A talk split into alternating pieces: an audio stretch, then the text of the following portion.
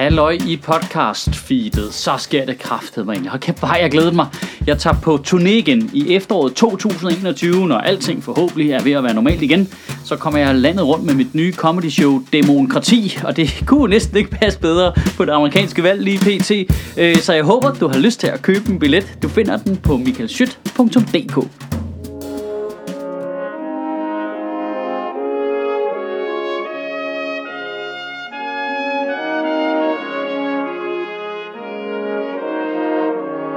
Goddag. Vi danskere, vi interesserer os sindssygt meget for det amerikanske valg. Langt mere end vores eget valg. Eller i hvert fald som minimum langt mere end EU-valg. Hold kæft, det fylder meget, var. Altså, øh, jeg elsker bare at tænde for min avis, og så er det bare Breaking news! Det amerikanske valg! Vi ved ikke noget. Oh, okay, fed breaking, guys. Keep it up. Man har indtryk af, at det amerikanske valg, det er for journalister, det er lidt ligesom Roskilde Festivalen. De elsker at dække det, fordi så får de billetten derover dækket af deres arbejde. Og men det holder aldrig op med at provokere med amerikansk politik, det fylder så meget. Det, det er over det hele, hele tiden. Og vi ved bare ingenting om engelsk, tysk eller fransk politik, og dem er vi i EU sammen med. Og det er jo ikke sådan, at jeg siger, at de ikke skal dække det amerikanske valg, men kunne man disponere bare lidt anderledes? Altså, kunne vi vente med at gå i breaking og sende live, til vi vidste, der var sket noget, eller hvad? Altså, det, det, er jo, det er jo for vildt jo. Vi kan jo alle sammen nævne amerikanske politikere fra nu og til vi står op i morgen. Men prøv lige at nævne en tysk minister, der ikke er Merkel. Og Helmut Kohl er død i øvrigt, så det tæller ikke. Hvad? Det, det er jo for sindssygt jo. Vi, vi, vi, vi, vi ved ikke noget om tysk politik, og det, det er vores nærmeste nabo.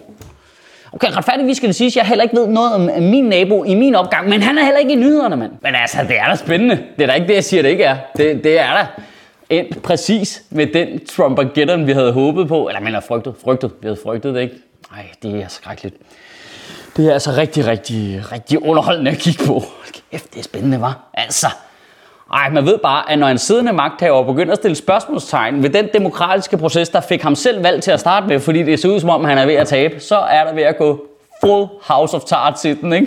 Jamen, alle alarmklokker ringer bare. Nå, okay. Så ham, der synes, Putin er en fed fyr, og Kim Jong-un er en great guy, han vil ikke lige anerkende en demokratisk proces.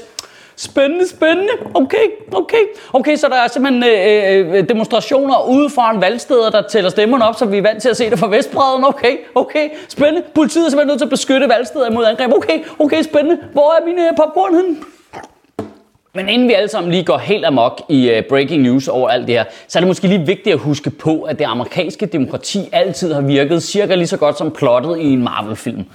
Rigtig, rigtig dårligt. Altså, lige nu er øh, Joe Biden øh, den præsidentkandidat i amerikansk historie, der ser ud til at have fået flest stemmer nogensinde. Han ser ud til at have fået lige omkring 70 millioner stemmer.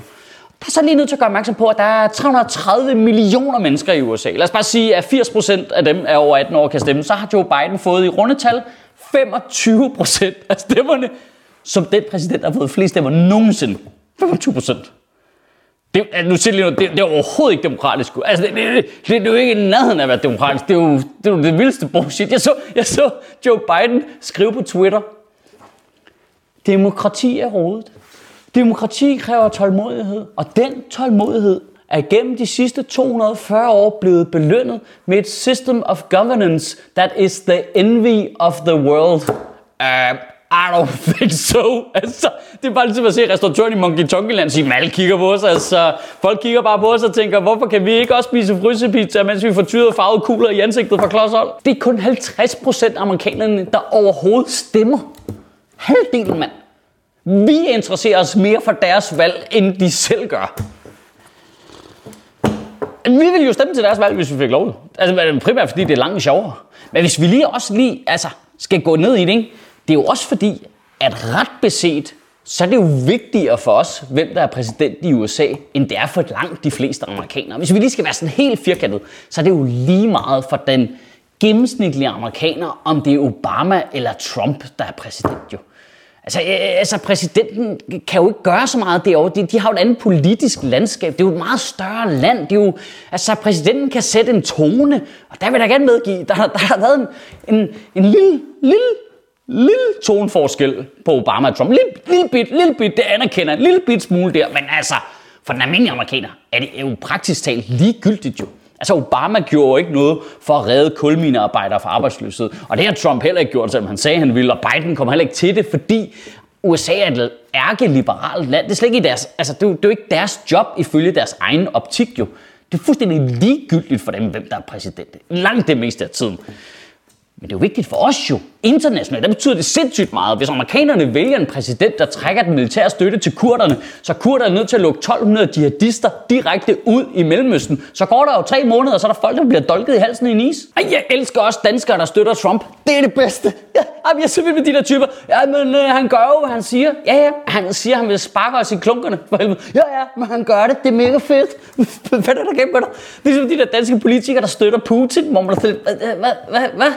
Altså, det er da meget rart, at vi på en eller anden måde skilter lidt med det, så vi kan se, hvem der er, der bliver vendekåberne, når krigen den kommer. Det er da meget rart, at vi ved, hvem vi skal holde øje med. Kæft, hvor er det mærkeligt. Har I ikke også lagt mærke til det der super syrede mønster i? At det altid er de sådan mest øh, nationalistiske øh, typer og politikere, der ligesom støtter de der udenlandske despoter? Det er for mærkeligt. Det er simpelthen for omvendt. Altså, hvis du går op i dansk suverænitet, hvordan kan du så støtte nogen, der vil trumle os i det sekund, de fik chancen jo? Altså, jeg er ked af at sige, at hvis du ikke kan lide EU, så tror jeg umiddelbart, at du får det lidt stramt med sådan et russisk overherredømme. I ugen, der kommer, der synes jeg i hvert fald med fordel, du kunne tænke over den her lille tanke. Jeg selv har tænkt over en kop kaffe.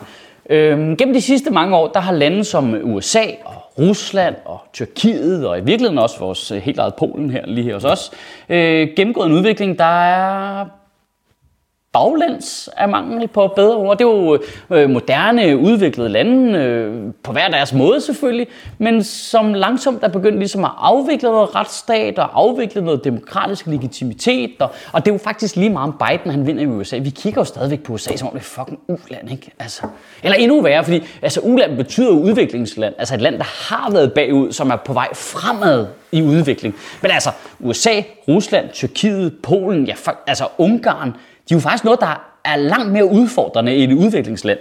Det er jo et afviklingsland. De er jo på vej tilbage i udvikling. Og problemet er, altså, amerikanerne er jo stadig verdens stærkeste militær. Altså, hvad, hvad fanden skal vi gøre? Det er jo ligesom, hvis Superman fik downs. Det gælder bare om at implementere nogle Kim Larsen-plader i forsvaret, ikke? Gør der en rigtig god uge, og bevare min bare røv.